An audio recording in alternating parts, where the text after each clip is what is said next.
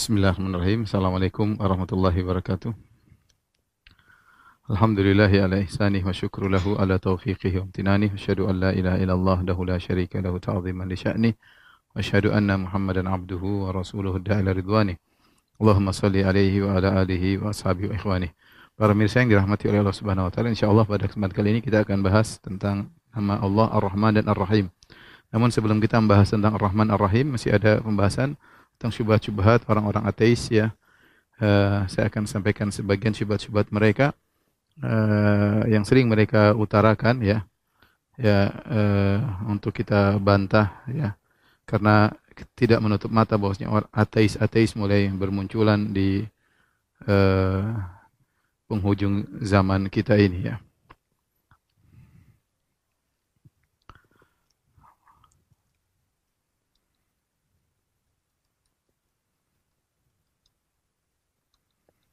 Syubhat-syubhat ateis ya ada beberapa ya di antaranya ya.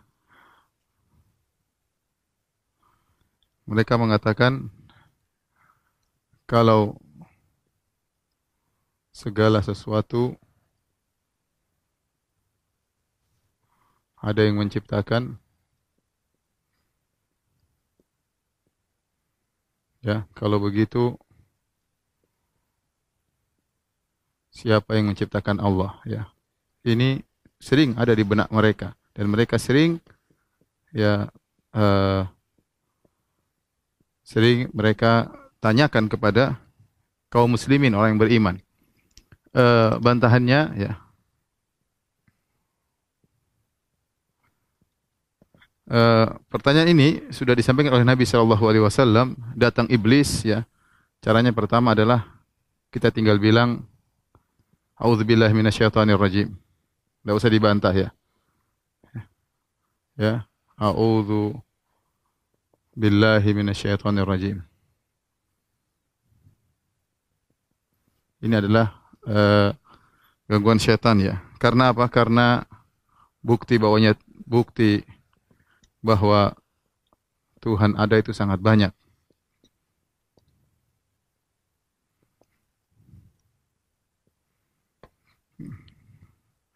Yang kedua, kita bantah secara ilmiah, ya, kita bantah secara logika. Ini sudah dibantah oleh para ulama dahulu, ya, dengan istilah tasalsul fil mu'athirin, tapi ini sekedar istilah.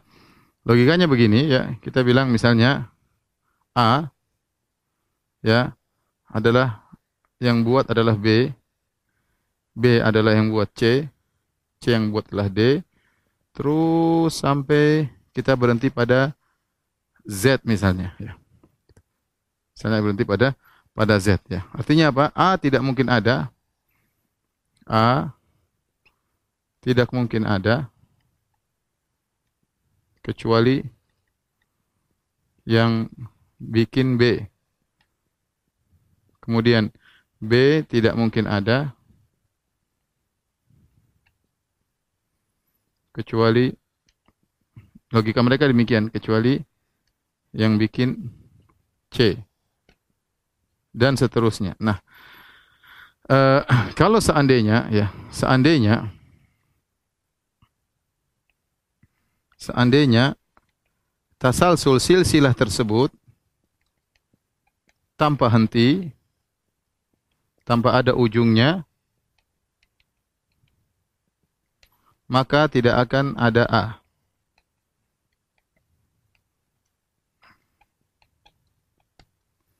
Ya, tidak akan ada A. A baru bisa bisa muncul jika talsalsul silsilah tersebut berhenti pada satu titik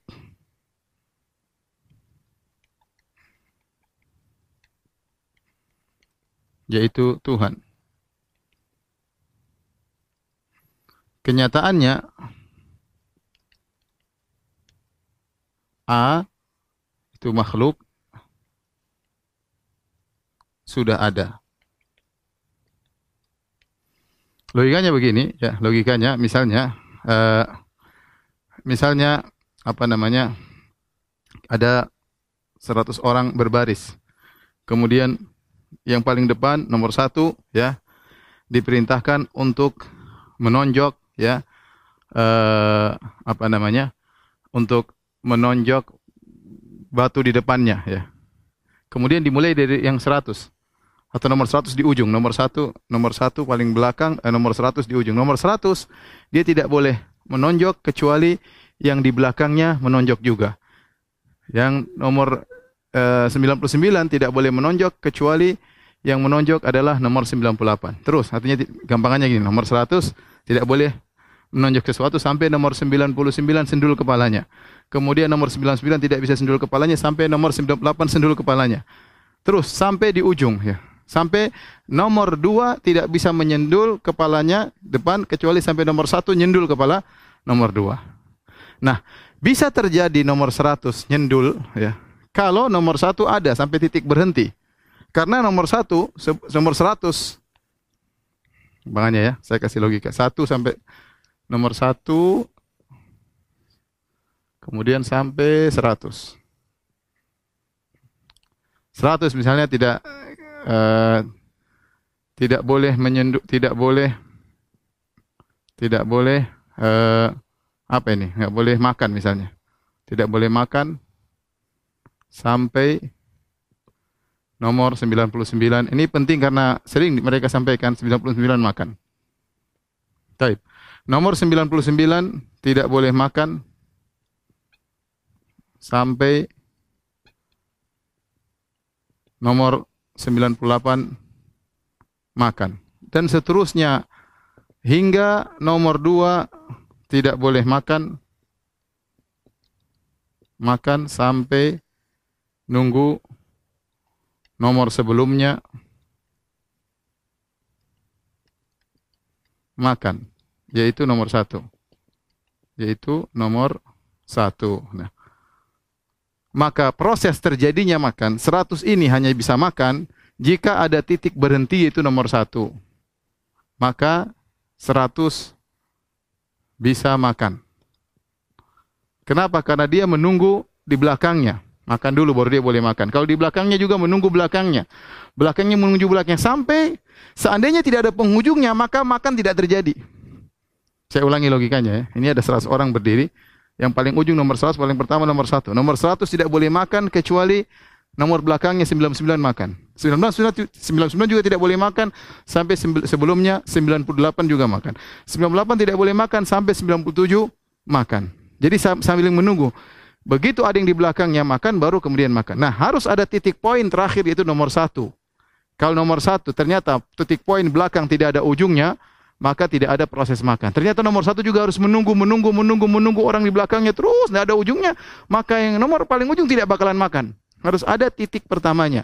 Ini logika sederhana sama. Makhluk A tidak mungkin ada kecuali B yang bikin. B tidak mungkin ada kecuali C yang bikin. C tidak mungkin terjadi kecuali D yang bikin. Ini harus berhenti pada titik pertama yaitu Allah Subhanahu wa taala Tuhan. Seandainya tidak ada titik berhentinya, maka si A ini tidak akan pernah terjadi.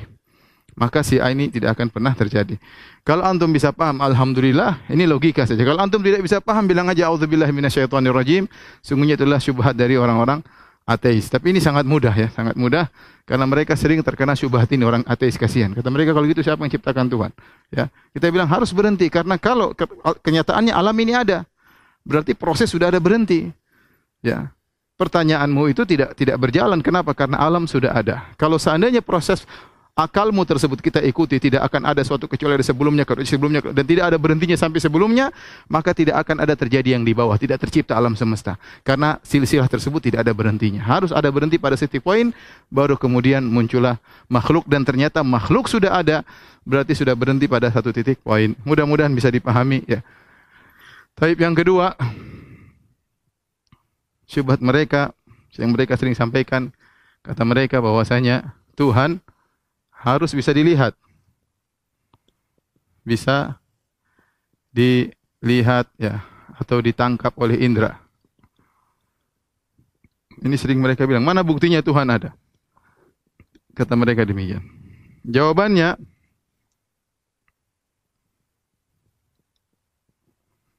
ya bahwasanya ya bukti Tuhan ada ya bukti Tuhan ada sangat banyak.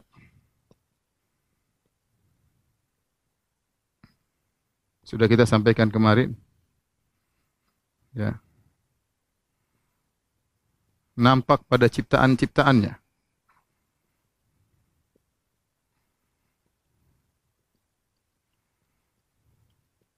Ya. Fi anfusikum afala tubsirun pada diri kalian tidak kalian melihat bagaimana agungnya ciptaan Allah.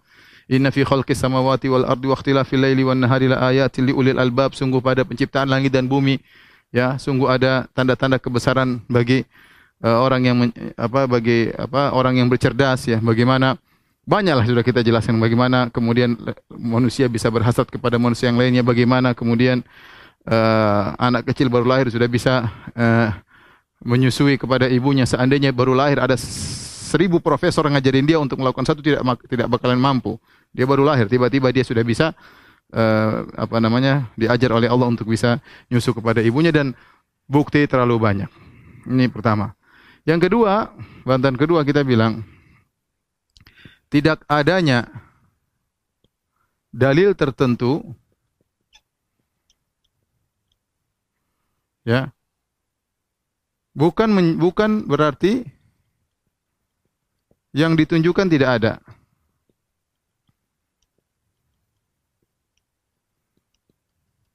Karena bisa jadi bisa jadi ditunjukkan oleh dalil lain. Sederhananya begini. Apakah ada budi di rumahnya?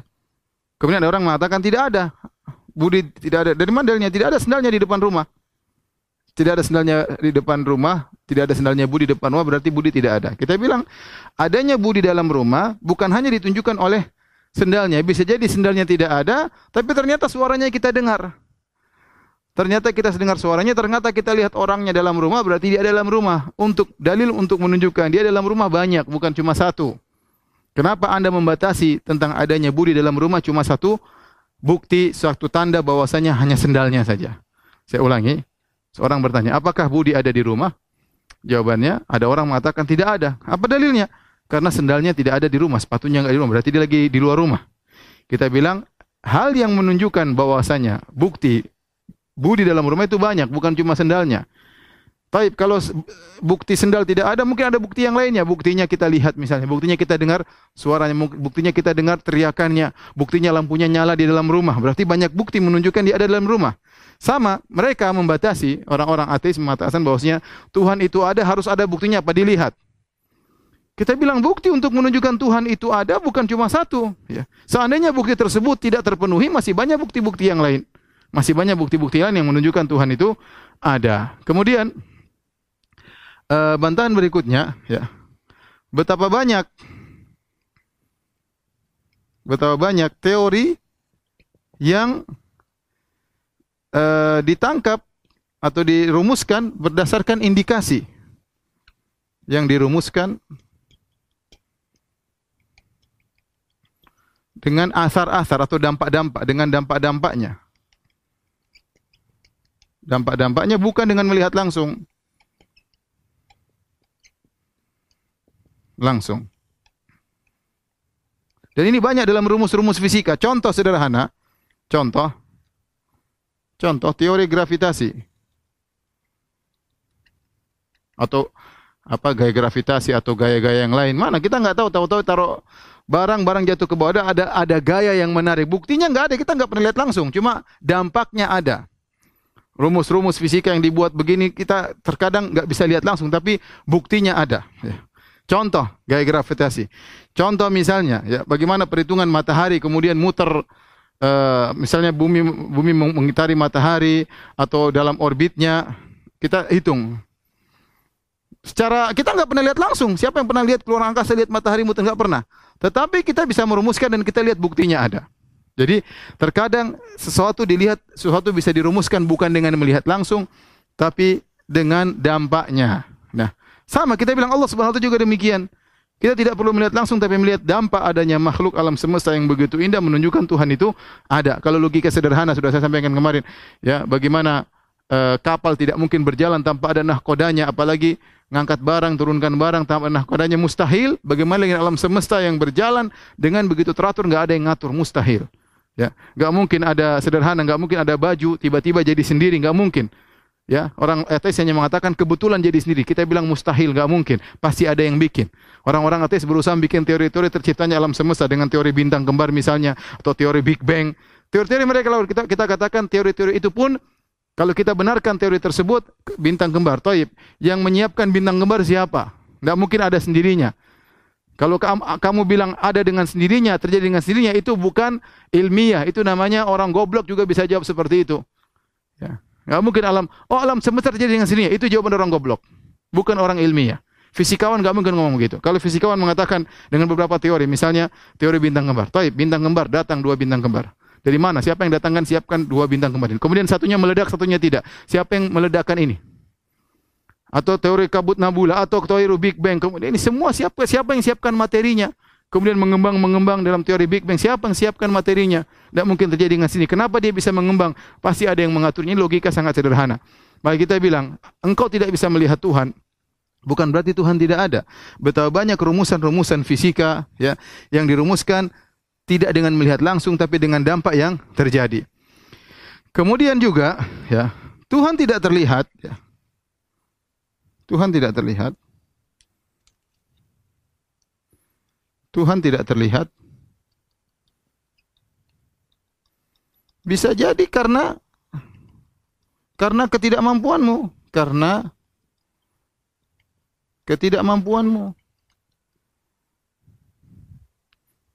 ketidakmampuan indramu, ketidak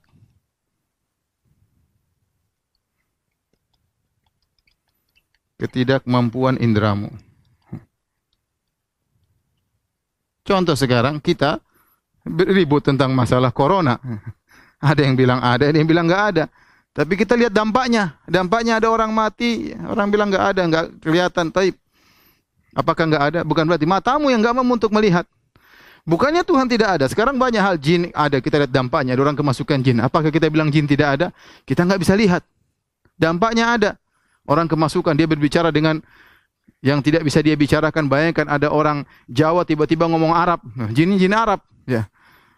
Kita nggak bisa lihat jin tersebut, tapi kita lihat dampaknya. Ya. Berarti bisa jadi sesuatu ada tidak bisa terlihat karena ketidakmampuanmu. Dan itu yang Nabi SAW katakan, Ta'allamu innakum lan rabbakum hatta tamutu ketahuilah kalian tidak akan bisa melihat Rabb kalian sampai kalian meninggal. Nabi Musa melihat Allah, Nabi Musa kemudian apa? Mati atau pingsan tatkala ingin melihat Allah Subhanahu wa taala. Dan bisa jadi ya. Ya.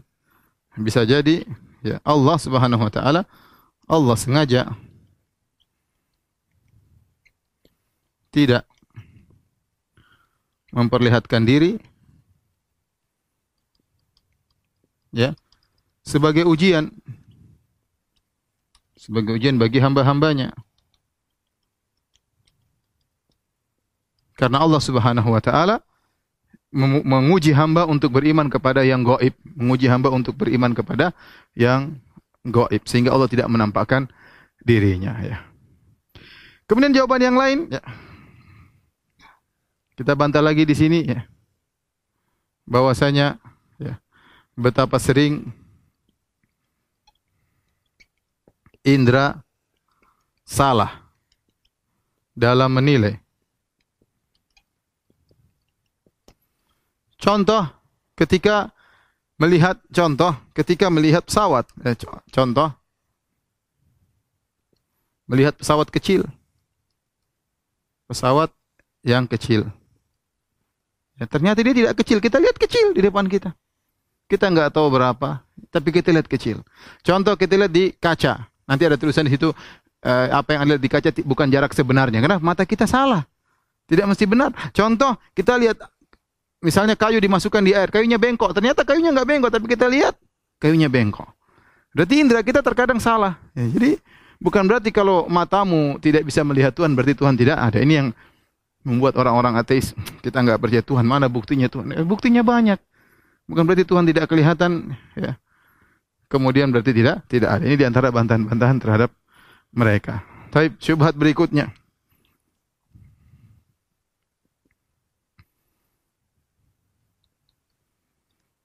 Yang sering mereka jadi permainan juga.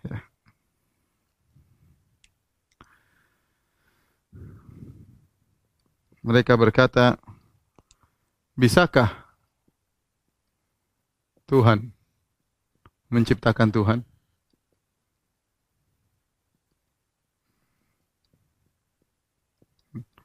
Jawabannya mudah. Jawabannya ini pertanyaan salah. Ini pertanyaan yang salah.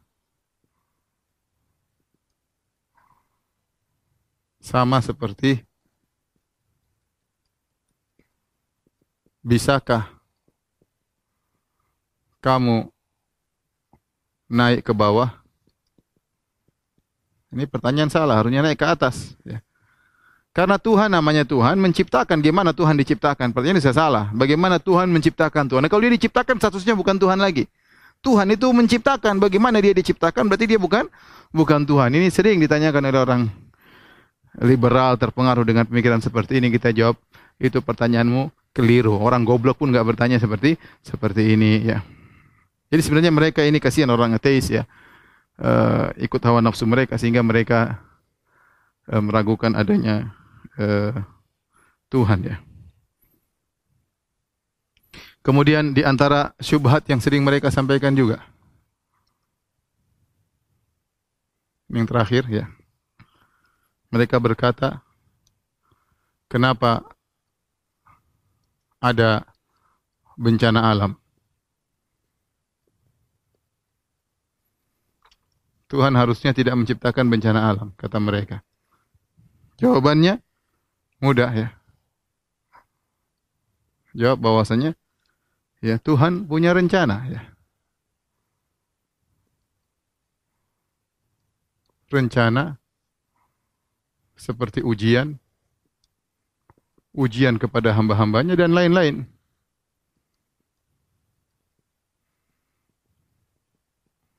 Atau untuk untuk mengingatkan, memperingatkan dan lain-lain ya.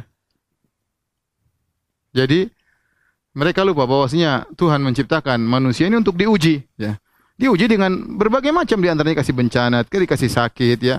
Karena ada kehidupan namanya kehidupan akhirat. Mereka Orang-orang ateis ini maunya Tuhan sesuai dengan selera mereka. Maunya Tuhan itu uh, menciptakan suatu kehidupan yang semuanya enak. Kita bilang itu di surga nanti ada. Sekarang di dunia ujian. Kamu mau langsung di surga kalau gitu buat apa Tuhan ciptakan Tuhan ciptakan ada Tuhan sebutkan akan ada ujian. Ya mereka maunya Tuhan tidak boleh, tidak boleh ciptakan keburukan, tidak boleh. Jadi Tuhan mau diatur sama sama mereka. Ya. Jadi mereka mengatakan kalau gitu Tuhan ada kenapa Tuhan menciptakan keburukan? Harusnya Tuhan tidak boleh menciptakan keburukan. Subhanallah ya. Jadi mereka mengatur Tuhan, kita bilang Tuhan punya uh, tujuan ketika menciptakan adanya keburukan, menciptakan iblis misalnya, ada maksud dan tujuan dari Allah Subhanahu wa taala. Ini kira-kira sedikit uh, apa namanya? syubhat-syubhat orang-orang ateis. Selanjutnya kita akan lanjutkan dengan sifat Ar-Rahman Ar-Rahim. Ya, Mas.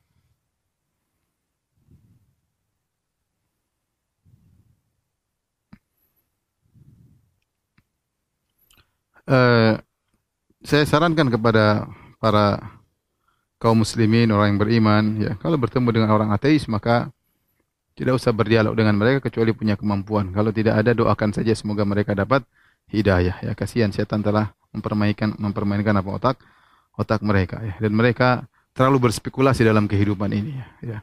Mereka mau Tuhan tidak ada. Seandainya mereka tidak memberi kemungkinan meskipun satu persen. Kalau Tuhan ada bagaimana? Mampus di akhirat kala ya.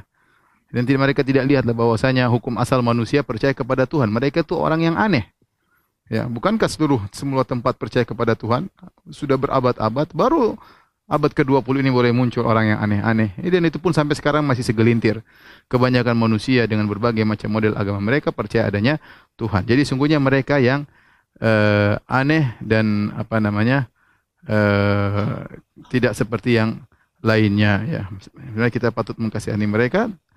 Uh, kalau kita bisa mendakwai mereka alhamdulillah, kalau tidak maka biarkan saja kita doakan semoga mereka dapat hidayah ya. Ini uh, kenyataan pahit di zaman akhir zaman ini mulai muncul orang-orang ateis bahkan mereka menulis di internet dan yang lainnya memberikan syubhat kepada kaum muslimin, bukan cuma kaum muslimin dan banyak yang terkena syubhat mereka adalah orang-orang Nasara yang memang sudah ragu dengan agama mereka sehingga begitu terkena syubhat-syubhat tersebut maka ter tergeret. Tapi orang Islam alhamdulillah Allah Subhanahu wa taala menguatkan iman mereka, mereka tidak peduli dengan hal-hal seperti itu. Yang, yang jadi ateis sangat sedikit dibandingkan dengan orang-orang uh, agama-agama yang lain ya. Taib kita akan bahas tentang Ar-Rahman Ar-Rahim.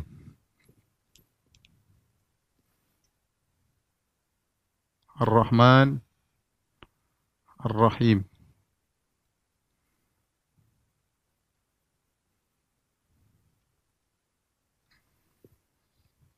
Ar-Rahman Ar-Rahim adalah dua uh, yang berasal dari sifat dari sifat Ar-Rahmah. Kalau kita Indonesia sering mengartikan yang maha penyayang lagi maha pengasih. Ya, biasanya kita demikian ya. Yang maha penyayang, yang maha penyayang, lagi maha pengasih. Maha pengasih. Ini adalah terjemahan yang berusaha mendekati kebenaran ya. Makanya ditambah dengan maha untuk menunjukkan bahwasanya rahmat Allah Tuhan tidak sama dengan rahmat manusia maka dibayangkan dengan maha. Maha itu puncak rahmat, ya, puncak kasih sayang, puncak sayang dan puncak kasih, ya. Ar-Rahmanir Rahim dari sifat Ar-Rahmah, sifat Ar-Rahmah. Allah Subhanahu wa taala memiliki sifat Ar-Rahmah. Di antaranya firman Allah Subhanahu wa taala uh, jadi rahmat Allah uh, di antaranya firman Allah Subhanahu wa taala wa rabbuka dzul wa rabbukal ghafuru dzur rahmah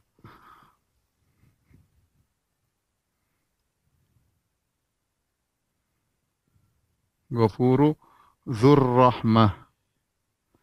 Dan Allah Subhanahu wa taala Maha Pengampun ya yang memiliki Dzur Rahmah artinya memiliki sifat rahmah. Rahmah kasih sayang, rahmat. Ya. Rabbukal Ghafuru ya, Maha Pengampun dan memiliki kasih sayang. Kemudian juga dalam ayat yang lain, Rabbana wasi'ta wasi'ta kulla syai'in rahmatan wa ilma. Ya Allah, Engkau meliputi segala sesuatu. Ya Allah, ya Rabb kami, Rabb kami, rahmatmu dan ilmumu meliputi segala sesuatu segala sesuatu. Di sini perhatikan Allah menggandengkan antara rahmat dan ilmu. Kita tahu ilmu adalah sifat. Jadi ya Rabb kami engkau meliputi segala sesuatu rahmat dan ilmu. Ini tamyiz rahmatmu dan ilmumu ya. Meliputi segala sesuatu ya. Sebagaimana kita tahu ilmu adalah sifat rahmat juga adalah sifat. Saya ingin menekankan hal ini kenapa? Karena orang-orang penolak sifat mereka mengatakan Allah tidak memiliki sifat rahmat seperti Asy'ariyah, Mu'tazilah. Mereka mengatakan Allah tidak memiliki sifat rahmat, kasih sayang. Tapi kita bilang tidak, Allah punya sifat rahmat. Dan sifat Ar-Rahman Ar-Rahim banyak sekali. Kemudian uh, Nabi SAW bersabda, ya, Qala sallallahu alaihi wasallam, "Lallah arhamu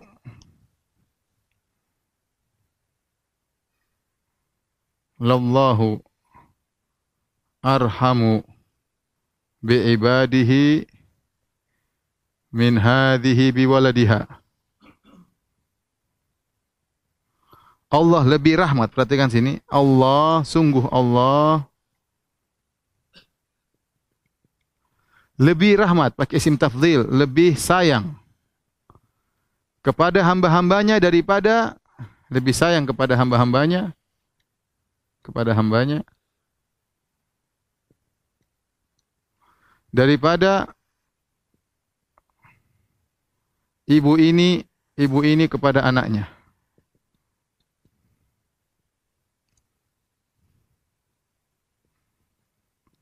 Perhatikan di sini. uh, kita tahu ibu sayang kepada anaknya. Ibu memiliki sifat sayang kepada anaknya. Kemudian Allah, kemudian Nabi mengatakan Allah lebih sayang, Allahu arham lebih sayang. Lebih sayang ini menunjukkan Nabi sedang membandingkan arah kasih sayang Allah terhadap hamba-hambanya dengan kasih sayang seorang ibu kepada anaknya. Sama-sama memiliki sifat kasih sayang, tetapi kasih sayangnya Allah ini maha, maha sayang. Dibedakan dengan kasih sayang ibu, sayang ibu. Ya.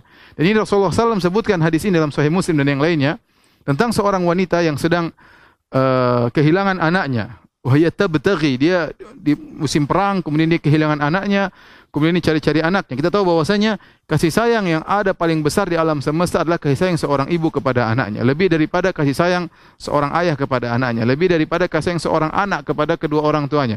Lebih daripada kasih sayang seorang suami terhadap istrinya, terhadap istri terhadap suaminya, ya terhadap seorang dengan saudaranya, rahmat kasih sayang paling besar di alam semesta yang bisa kita bayangkan seorang ibu terhadap anaknya. Terlebih lagi ibu ini kehilangan anaknya, maka dia cari-cari anaknya dia tidak temukan. Begitu dia menemukan anaknya, maka dia pun segera mendekap sang anak, kemudian dia menyusui sang anak. Dan itu benar-benar contoh kasih sayang yang mungkin terbayang yang paling besar di alam semesta. Tatkala itu ibu terhadap anak, anaknya baru saja hilang dan dia dapati bagaimana kasih sayang luar biasa Kemudian dia peluk sang anak. Ketika Nabi melihat pemandangan seperti itu, maka Nabi jadikan kesempatan bagi para sahabat untuk bisa membayangkan atau eh, apa mengerti tentang makna rahmat Allah. Maka Nabi berkata, "Atarawna anna hadhihi taridatan waladaha finnar?" Wahai para sahabat, menurut kalian apakah ibu ini yang baru mendapat anaknya akan lempar anaknya di neraka di api? Kata para sahabat, "Tentu ya Rasulullah tidak." Dan dia mampu untuk menyelamatkan anaknya. Bagaimana dia melemparkan anaknya di api? Gak mungkin seorang ibu melempar anaknya di api. Kata karena sayangnya luar biasa. Kata Nabi, "Lallahu arhamu." Allah lebih sayang kepada hamba-hambanya daripada ibu ini kepada anaknya. Daripada ibu ini kepada anaknya. Oleh karenanya, saya bacakan perkataan uh, sebagian ulama yang mengatakan bahwasanya bahwasanya kalau kita tahu bahwasanya sederhananya kalau kita tahu bahwasanya Allah sangat sayang kepada kita, maka Kelazimannya apa? Kelazimannya hendaknya kalau ada apa-apa segera kita menuju Allah. Bukankah demikian? Kita kalau ada masalah, kita ke mana sih? Kita kepada orang yang sangat sayang kepada kita. Kenapa anak kecil kalau dia ada masalah dia, mama, karena dia tahu mamanya yang paling sayang.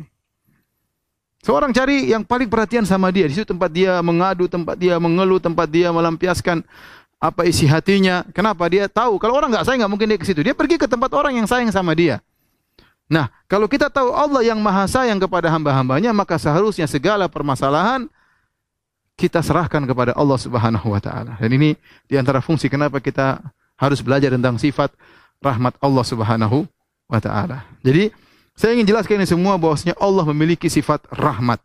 Allah memiliki sifat rahmat. Tidak seperti perkataan ahlul bidah yang mengatakan bahwasanya Allah tidak memiliki sifat rahmat. Ini ahlus sunnah wal jamaah. Terus bagaimana dengan ahlul bidah? Jadi ahlus sunnah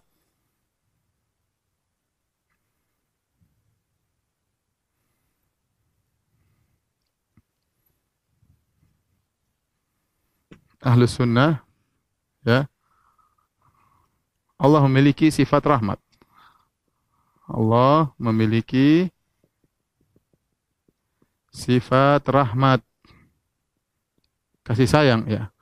Adapun ahlul bidah ya.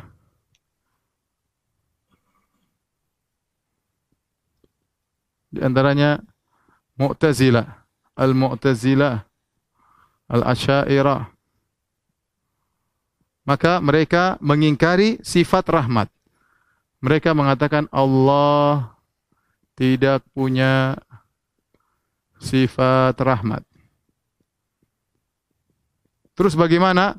Terus sifat rahmat ini mereka artikan apa? Mereka menurut Mu'tazila itu adalah majaz. Seperti dikatakan oleh Zamakhsyari di awal kitab Al-Kasyaf tafsirnya. Zamakhsyari di awal kasyaf ya. Itu adalah majaz. Maksudnya adalah in'am ya. uh, saya nukilkan di sini Zamakhsyari berkata bahwasanya huwa majazun an in'amihi ala ibadihi. Majaz maksudnya adalah in'amihi ala ibadihi. Rahmat Allah itu maksudnya Allah memberi karunia. Memberi karunia kepada hamba-hambanya. Adapun Allah tidak memiliki sifat-sifat sayang. Ya. Ini.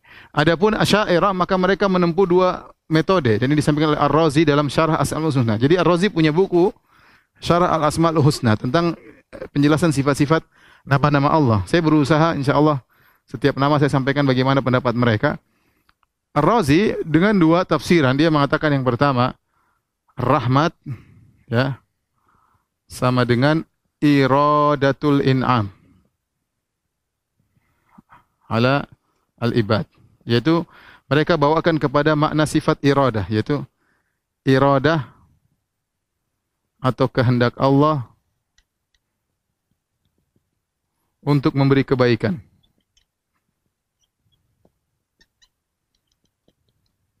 kepada hamba-hambanya. Adapun uh, yang kedua, rahmat maksudnya karunia, karunia itu sendiri. Karunia itu sendiri kebaikan yang dia rasakan ya. Jadi mereka ada dua metode. Pertama menafsirkan dengan sebagai makhluk, yaitu karunia itu sendiri, ini makhluk. Karunia itu makhluk.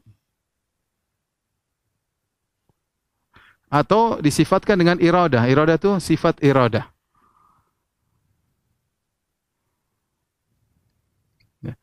Kalau uh, Zamakhsyari sama dengan ini.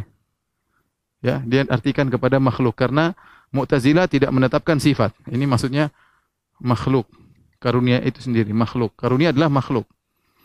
Kenapa mereka tetap takwil sifat rahmat dengan iradah? Karena kata mereka Allah punya sifat cuma tujuh.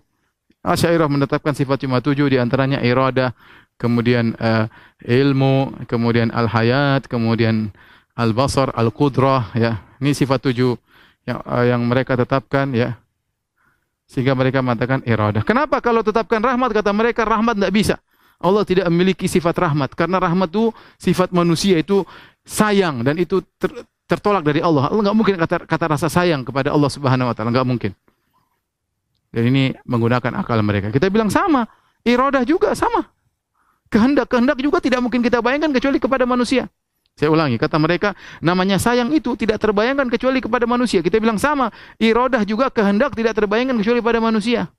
Kalau mereka bilang iroda Allah tidak sama dengan iroda makhluk, kita bilang sama. Sayang Allah tidak sama dengan sayang makhluk. Sayang Allah maha. Bagaimana anda bisa menyamakan sayang Allah dengan sayang makhluk? Ini pembahasan asma sifat saya tidak ingin panjang lebar, tapi saya ingin sampaikan bahwasanya Ahlus Sunnah meyakini Jangan dipedulikan ini ya, ini aja yang perhatikan. Bahwasanya Allah memiliki sifat maha sayang. Dan ini adalah yang diyakini oleh masyarakat Indonesia secara umum. Allah masih sayang sama kamu. Tidak ada yang mengatakan Allah masih irada. Tidak orang dengan mudah mengatakan Allah sayang sama kamu. Maha pengasih lagi maha penyayang. Enggak ada yang pikiran maksudnya irada ini. Enggak ada. Orang awam ya beda kalau orang sudah kena syubhat. Oh ini sayang ini maksudnya bukan sayang. Sayang enggak boleh sama Allah. Kita enggak boleh bilang Allah sayang. Enggak boleh. Terus maksudnya kehendak ini, kehendak anu, ya itu orang sudah kena syubhat. Kalau orang awam dengan fitrahnya, sederhana dia baca Bismillahirrahmanirrahim dengan Nama Allah yang Maha Pengasih lagi Maha Penyayang. Oh Allah masih sayang sama kita. Banyak sekali orang dengan demikian, mengatakan demikian.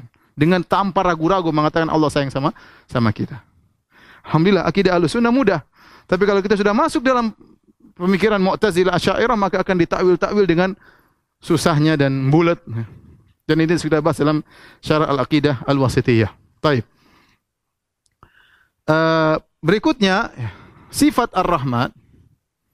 Ya. Sifat Allah Ar-Rahmah.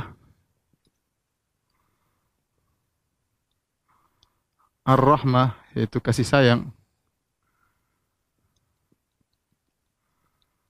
Ada dampaknya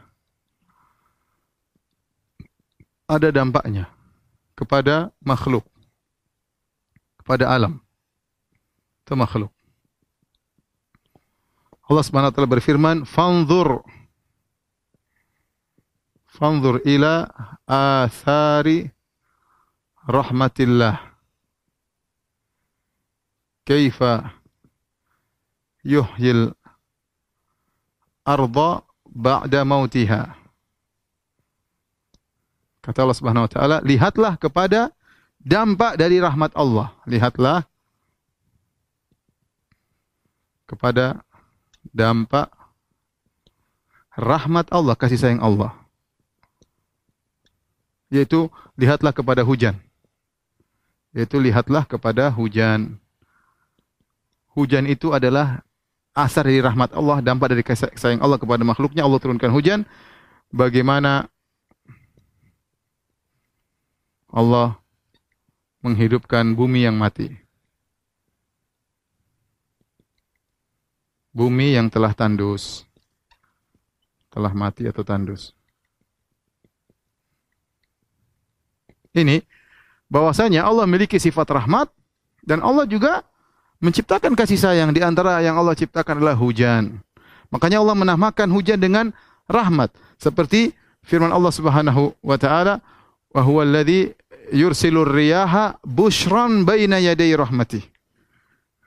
Allah berfirman misalnya ya wa huwa alladhi yursilur riyaha bushran bushran baina yaday rahmati.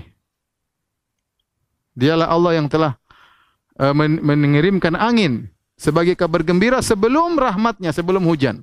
Allah menamakan hujan dengan rahmat Allah Subhanahu wa taala.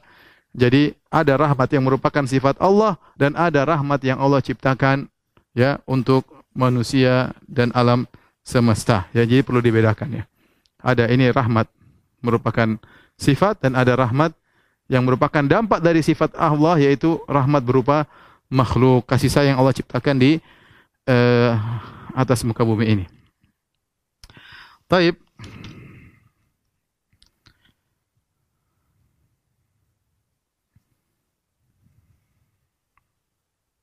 Di antara rahmat yang Allah ciptakan ya bagi makhluk Nabi pernah bersabda Inna lillahi mi'ata rahmatin anzala minha rahmatan wahidatan bainal jinni wal insi. Sungguhnya Allah memiliki seratus rahmat. Ya, yaitu rahmat yang Allah ciptakan. Anzala minha Allah turunkan dari seratus rahmat yang Allah ciptakan itu baru satu. Allah turunkan rahmatan wahidatan bainal jinni wal insi wal bahaim wal hawam. Allah turunkan satu rahmat tersebut yang Allah ciptakan, Allah bagi-bagi kepada jin, manusia, kepada hewan, kepada uh, burung-burung, kepada binatang melata. Fabiha yata'atawfuna. Dengan rahmat satu itu mereka saling menyayangi. Wabiha yatarahamuna. Dengan satu sayang itu, maka satu rahmat tersebut saling menyayang antara jin dengan jin, antara manusia dengan manusia, hewan dengan hewan, antara singa dengan pasangannya, antara singa dengan yang galak dengan anaknya dia pun menjadi sayang. Wa biha ta'tiful wahsyu ala waladiha. Dengan satu rahmat tersebut maka hewan yang buas sayang kepada anaknya. Wa akharallahu tis'an wa tis'ina rahmatan yarhamu biha ibadahu yaumal qiyamah. Dan Allah mengakhirkan 99 rahmat yang dengan 99 rahmat tersebut Allah akan berikan kepada hamba-hambanya pada hari kiamat khusus kepada hamba-hambanya pada hari uh, kiamat kelak ya. Dalil bahwasanya yang Allah turunkan sekarang yang Allah ciptakan dari rahmat yang Allah ciptakan baru satu. 99 Allah akan khususkan bagi hamba-hambanya yang uh, beriman pada uh, hari uh, kiamat kelak ya. Taib tolong dihapus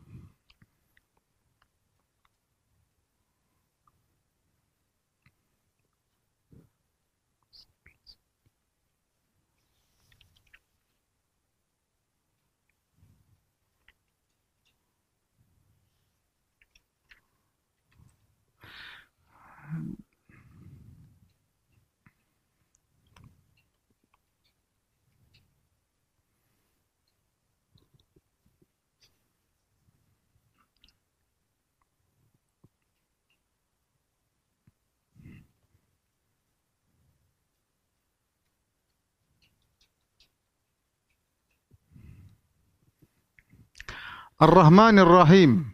Ar-Rahman Ar-Rahim. Ar-Rahman, Ar-Rahim.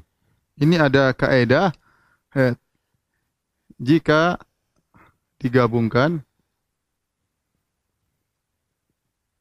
dalam satu konteks kemudian jika terpisah terpisah yaitu dalam satu konteks dalam satu konteks hanya disebutkan salah satunya salah satunya. Perhatikan ini. Kalau dalam dalam satu kali dalam satu konteks hanya disebut Ar-Rahman atau Ar-Rahim saja, yaitu jika dalam satu konteks hanya disebut salah satunya saja, satu, salah satunya saja Ar-Rahim saja atau atau Ar-Rahman saja.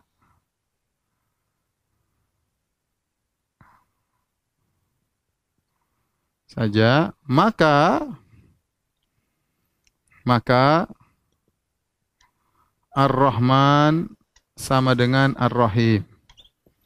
Ini kaidah dalam banyak kata-kata dalam bahasa Arab. Kaidah Idza ijtama iftaraqa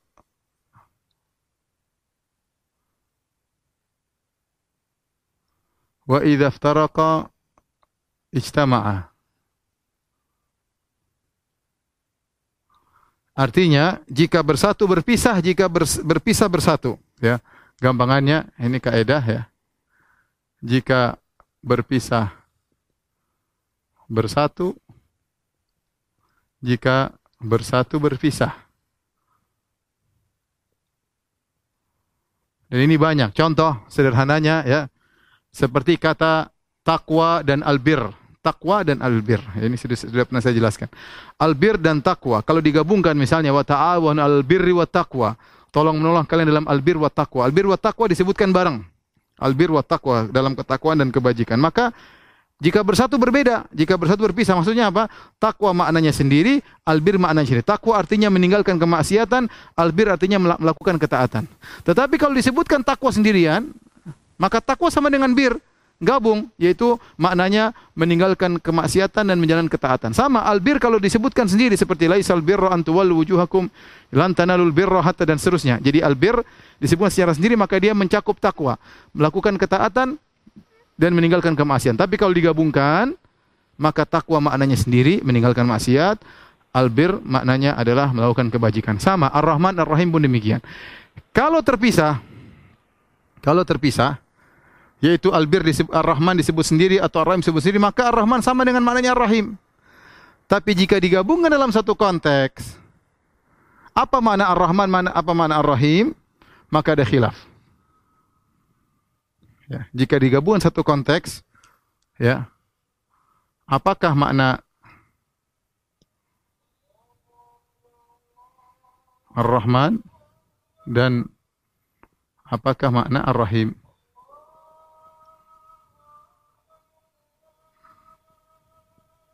Habis azan kita lanjutkan.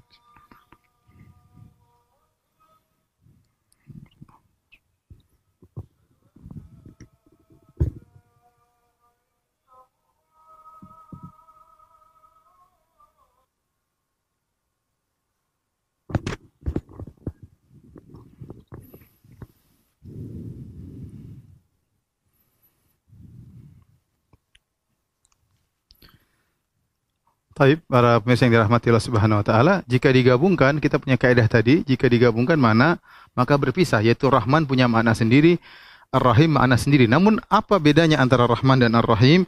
Maka ada dua pendapat secara umum ya. Pendapat pertama mengatakan Ar-Rahman yaitu kasih sayang umum. Umum mencakup mukmin dan kafir. Kemudian Ar-Rahim maksudnya kasih sayang khusus. Khusus hanya untuk orang beriman. Ini pendapat jumhur ulama. Ini jumhur ulama. Ini jumhur ulama, mayoritas. Dalil mereka karena Allah ketika mengucap mengatakan Ar-Rahman dalam Al-Qur'an Allah mutlak, tetapi ketika menyebut Ar-Rahim Allah mengkhususkan kepada orang beriman ya. Seperti wa kana bil mu'minina rahima. Ya, wa kana bil mu'minina rahima. Demikian juga uh, dalam ayat yang lain, innahu bihim raufur rahim.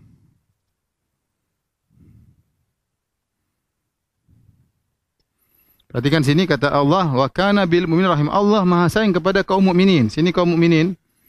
Jadi khusus kaum mukminin kemudian innahu bihim ini juga kaum mukminin sehingga namanya Ar-Rahim adalah kasih sayang khusus hanya untuk orang-orang beriman. Ini pendapat mayoritas ulama. Pendapat kedua, Ar-Rahman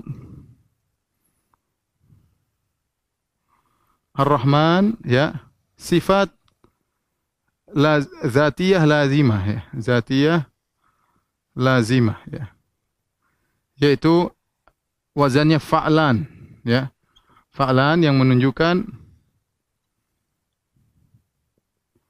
penuhnya rahmat Allah.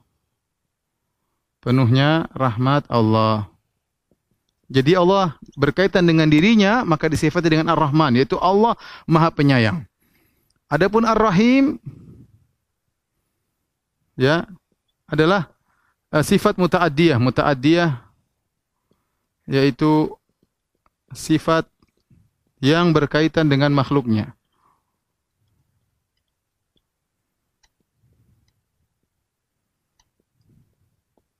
yaitu Allah Maha Penyayang namanya Ar-Rahman. Allah menyampaikan kasih sayangnya kepada hamba-hambanya namanya Ar-Rahim. Saya ulangi, Ar-Rahman. Kalau ini kan Ar-Rahman umum, Ar-Rahim khusus. Ar-Rahman mencakup mukmin kafir, Ar-Rahim hanya orang beriman. Kalau ini pendapatku ini pendapat Ibnu Qayyim, ya.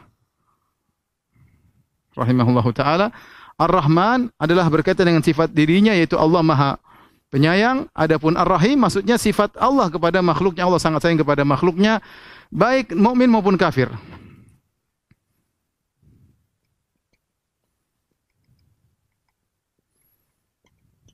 Makanya Allah mengatakan uh, apa apa bin nasi wa inna Allah bin nasi la raufur rahim ya.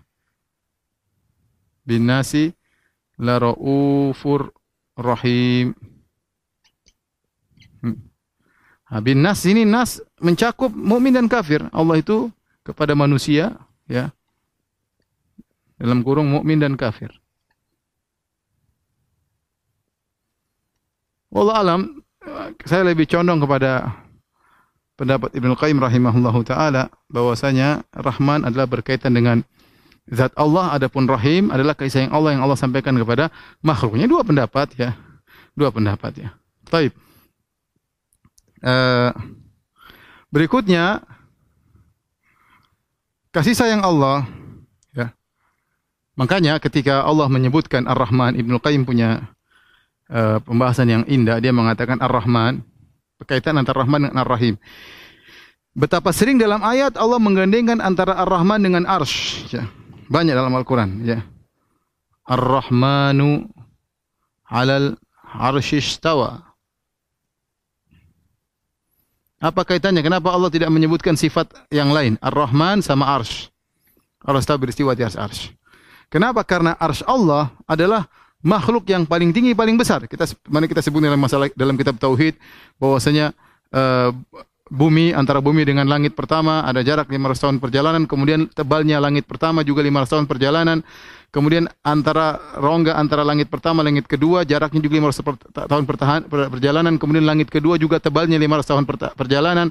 Kemudian jarak antara langit kedua dengan langit ketiga 500 tahun perjalanan. Kemudian tebalnya langit ketiga dan seterusnya sampai langit ketujuh. Selangit ketujuh kemudian kursi Allah. Dan kita tahu Allah berfirman, "Wasi'a kursiyyus samawati wal ard." Kursi Allah meliputi langit dan bumi. Kursi Allah sangat besar. Kemudian setelah kursi ada namanya laut, ada air. Setelah air kemudian arsy. Dan arsy Allah sangat besar. Kursi langit dan bumi dibandingkan dengan kursi seperti logam yang dilemparkan di padang pasir. logam itu adalah langit dan bumi, sementara kursi Allah seperti padang pasir. Kursi dibandingkan dengan arsh seperti logam dibandingkan dengan padang pasir. Kursi adalah logam, arsh adalah padang pasir. Dan Allah di atas arsh. Allah di atas arsh, di atas sana. Keluar alam semesta. Sehingga ketika Allah beristiwa di atas arsh berarti dengan menyebut Ar-Rahman, Maha Pengasih, berarti kasih yang Allah meliputi seluruh makhluknya. Rabbana wasi'ta kulla syai'in rahmatan wa ilma. Ya Allah, Engkau meliputi segala sesuatu dengan ilmumu dan rahmatmu. Ya. Ini kenapa hikmahnya Allah sebutkan disebutkan rahmat di atas arsh untuk menunjukkan bahwasanya kasih sayang Allah meliputi segala makhluk yang ada di bawah arsh seluruhnya dan uh, kalau berbicara tentang rahmat yang sampai kepada makhluk dari Allah kepada makhluk maka disebut dengan Ar-Rahim. Taib rahmat Allah ada dua.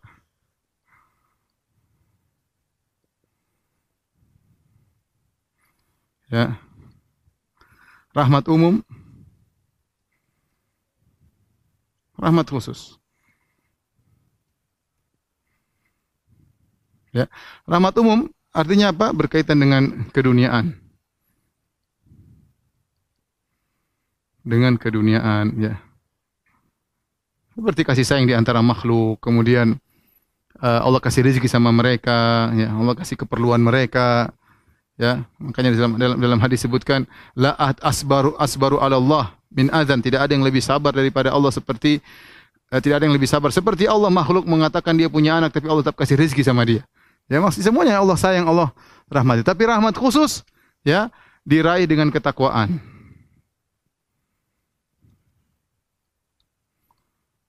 Ya, ya. Kata Allah wa rahmati wa rahmati wasi'at kulla syai'in fasa'aktubuha lilladzina yattaqun dan seterusnya. Kata Allah, dan rahmatku meliputi segala sesuatu dan aku akan catat rahmatku ini kepada orang-orang yang bertakwa. Kepada orang-orang yang bertakwa. Berarti ada rahmat khusus. Ya. ya. kalau orang ingin mendapatkan rahmat Allah secara sempurna, ingin meraih rahmat khusus, ya maka dengan ketakwaan. Dan itu banyak dalam Al-Quran. Seperti Allah Subhanahu Wa Taala uh, menyuruh untuk bertakwa seperti Kata Allah Subhanahu wa taala, "Hadza kitabun anzalnahu mubarakun fattabi'uhu wattaqu la'allakum turhamun." Inilah Al-Qur'an kami turunkannya, kami turunkan menurunkannya dengan penuh keberkahan maka ikutilah Al-Qur'an dan bertakwalah la'allakum turhamun agar kalian dirahmati oleh Allah Subhanahu wa taala. Allah juga berfirman wa aqimus salata wa atuz zakata wa atiur rasul dan taatlah kepada Rasulullah la'allakum turhamun. Semoga kalian dirahmati. Allah berfirman wa rahmati inna rahmatallahi qaribum minal muhsinin. Rahmat Allah sangat dekat kepada orang-orang yang berbuat ihsan. Ini rahmat khusus ya, rahmat khusus ya hanya untuk orang-orang yang bertakwa. Rahmat umum ini selesai di dunia selesai di dunia.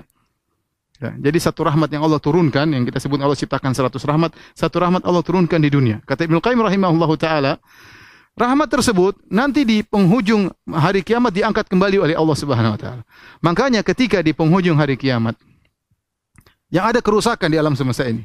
Tidak ada lagi yang rahmat, tidak lagi beribadah kepada Allah. Syirarul khalq, orang-orang paling rusak.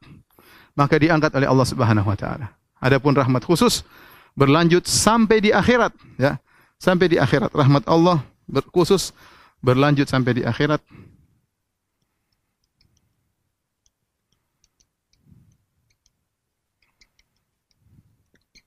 Sampai kata Ibnu Qayyim rahimahullah taala sampai kepada pelaku ahli tauhid yang masuk neraka.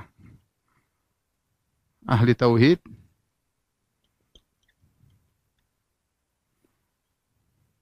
pelaku maksiat yang masuk neraka.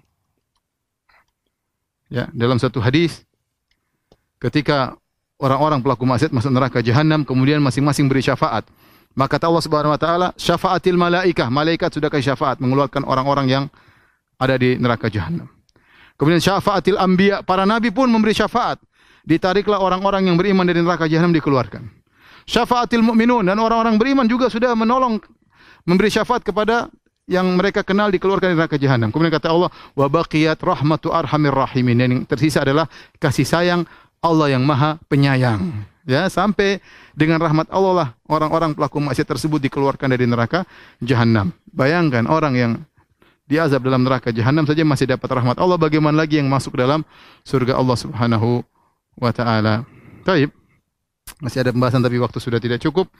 Maka uh,